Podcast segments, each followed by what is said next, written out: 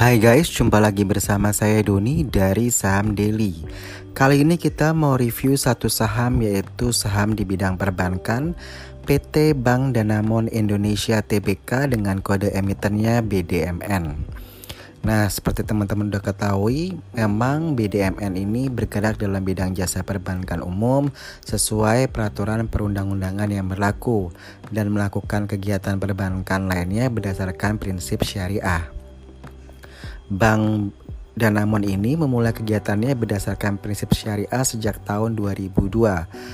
Lalu Bank Danamon mulai bergerak dalam bisnis mikro dengan nama Danamon Simpan Pinjam itu sejak Maret 2004. Nah, Danamon sendiri ini IPO date-nya tanggal 6 Desember tahun 1989 dengan harga penawaran saat itu di 12.000.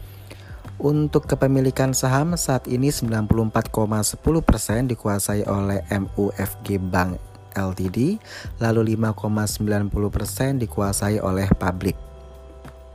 Untuk dividen dia tahun 2013 membagikan 126,50 rupiah per lembar saham, lalu tahun 2014 dia bagi dividen 81,50 rupiah per lembar saham.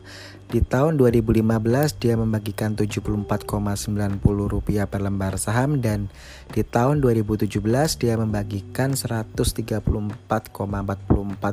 rupiah per lembar saham dan di tahun 2018 dia membagikan dividen sebesar 143,22 rupiah per lembar saham ya kisaran 1,37 triliun ya dari laba bersih sebesar 3,92 triliun dari tahun buku 2018. Jadi dividen tersebut dialokasikan 35% dari laba bersih dan setara dengan yang tadi saya bilang ya 143,22 rupiah per lembar saham dengan banyaknya saham itu 9,5 miliar saham ya. Untuk uh, kita lihat dari segi kinerja BDMN di tahun 2018 kita buka master data dulu. Untuk revenue di uh, naik 1% dari 19,8 triliun ke 20,1 triliun. Untuk net profit naik 7% dari 3,6 triliun ke 3,9 triliun. Lalu untuk earning per share dari 380 ke 405, pernya dari 18.3 eh, ke 11.7. Lalu untuk PBV-nya dari 1,7 ke 1,1, DER-nya dari 3,6 ke 3,51, ROE-nya dari 10% ke 9%. Nilai intrinsic value-nya BDMN ini di 5600-an ya.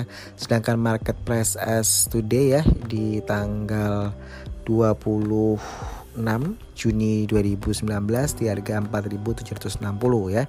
Artinya dia undervalued dengan uh, fase pergerakannya downtrend. Lalu kita amati untuk uh, pergerakan harga sahamnya ya. Jadi selama tahun 2019 ini dia di bulan April tepatnya tanggal 11 April 2019 itu dia pernah close di harga 10.000 ya. Nah, setelah itu dia turun-turun-turun hingga uh, sampai ke harga 4.760 rupiah di tanggal hari ini ya 26 Juni 2019. Artinya sudah turun atau minus 110% ya. Nah, minusnya ini dikarenakan apa ya? Kalau kita lihat biasanya setelah dia melakukan uh, aksi akuisisi ya yang dilakukan oleh MUFG ini memang harga sahamnya uh, turun begitu ya. Jadi uh, eh, MUFG ini merupakan bank besar ya asal Jepang. Jadi uh, eh, BDMN ini diakuisisi oleh MUFG ya.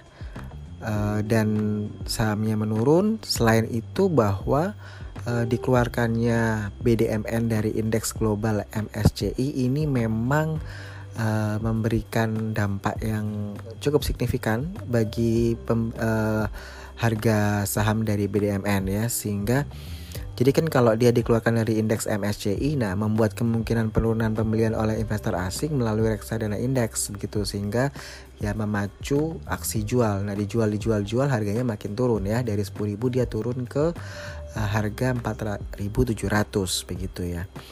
Nah kalau dilihat dari likuiditas saham BDMN ini juga rendah ya setelah pembelian dari MUFG. Jadi uh, sisa saham beredar cuma tinggal 6 persenan di pasar ya. Ya tadi saya bilang 5,90 persen yang di uh, beredar yang dikuasai oleh publik ya. Nah untuk MUFG ini uh, dinilai perlu kembali melakukan atau menilai goodwill dari transaksi yang dibayarkan atas nilai buku Bank Danamon ya. Jika saat ini saham diperdagangkan di bawah harga 4.700 ya, tentu ini akan berdampak uh, bagi perusahaan induknya itu MUFG ya.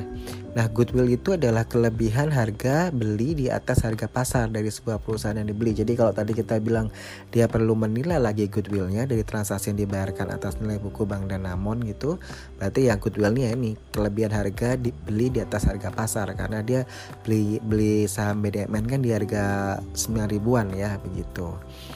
Nah, kalau kita lihat dari volume transaksi investor asing ya, uh, periode Juni 2018 hingga Mei 2019 bahwa hanya pada bulan Januari uh, itu pembelian oleh asing itu investor asing itu meningkat ya.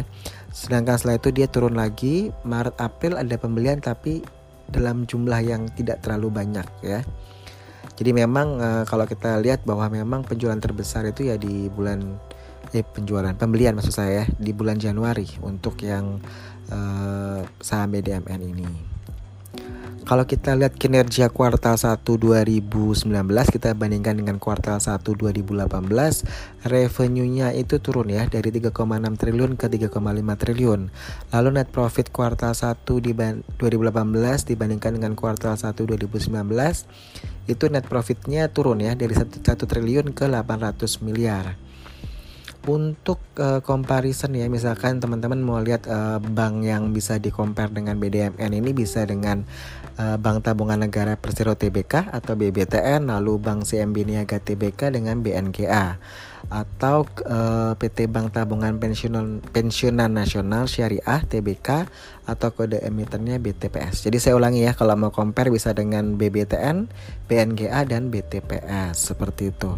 Nah, terkait bahwa kan ini sudah minus harga sahamnya sudah minus 110% ya dari 10 ribuan ke 4760 yang menjadi pertanyaan adalah sampai kapan dia akan terus turun atau dia akan ribuan lagi begitu ya. Nah tentu dengan tadi saya bilang bahwa memang Bank Danamon ini dikeluarkan dari indeks global MSCI di mana memang uh, kemungkinan penurunan pembelian oleh investor asing itu yang melalui reksadana indeks itu uh, menurun gitu ya sehingga kita bilang uh, dilakukan aksi jual sehingga harga sahamnya turun menurun eh turun terus. Nah ini tentu kita tidak tahu ya sampai kapan dia akan uh, turun begitu. Tapi kalau kita lihat bahwa nilai intrinsiknya Danamon tadi saya sebutkan ya uh, di harga 5.600 uh, saham ini sudah terlalu undervalued sebenarnya gitu ya.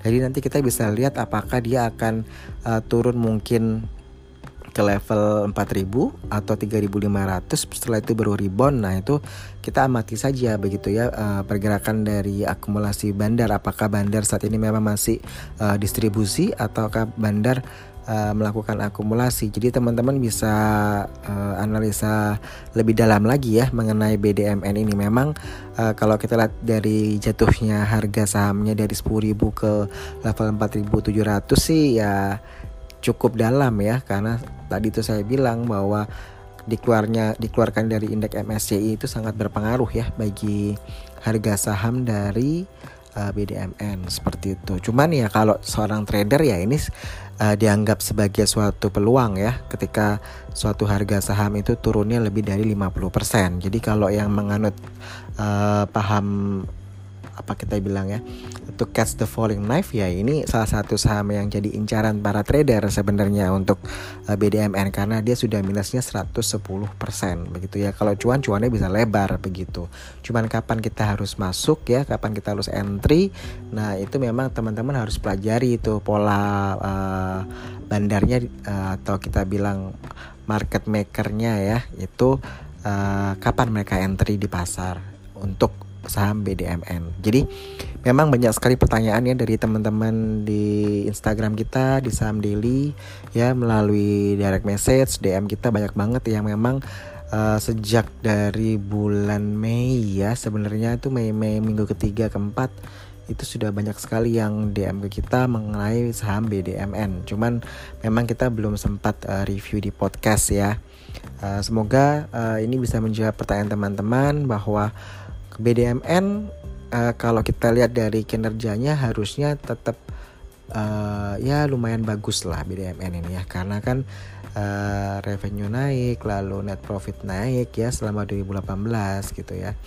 Kalau yang dari 2019 uh, memang uh, dia mengalami sedikit uh, penurunan ya dari segi revenue lalu net profit juga turun sedikit begitu. Tapi ini kan masih kuartal pertama ya. Mungkin di kuartal kedua ketiga dan keempat dia bisa lebih bagus lagi kinerjanya begitu. Dengan rencana uh, Bank Indonesia untuk menurunkan suku bunga kemungkinan ya kemungkinan rencana akan diturunkannya suku bunga ya mungkin ini bisa menggairahkan dari sektor perbankan ya sebenarnya begitu.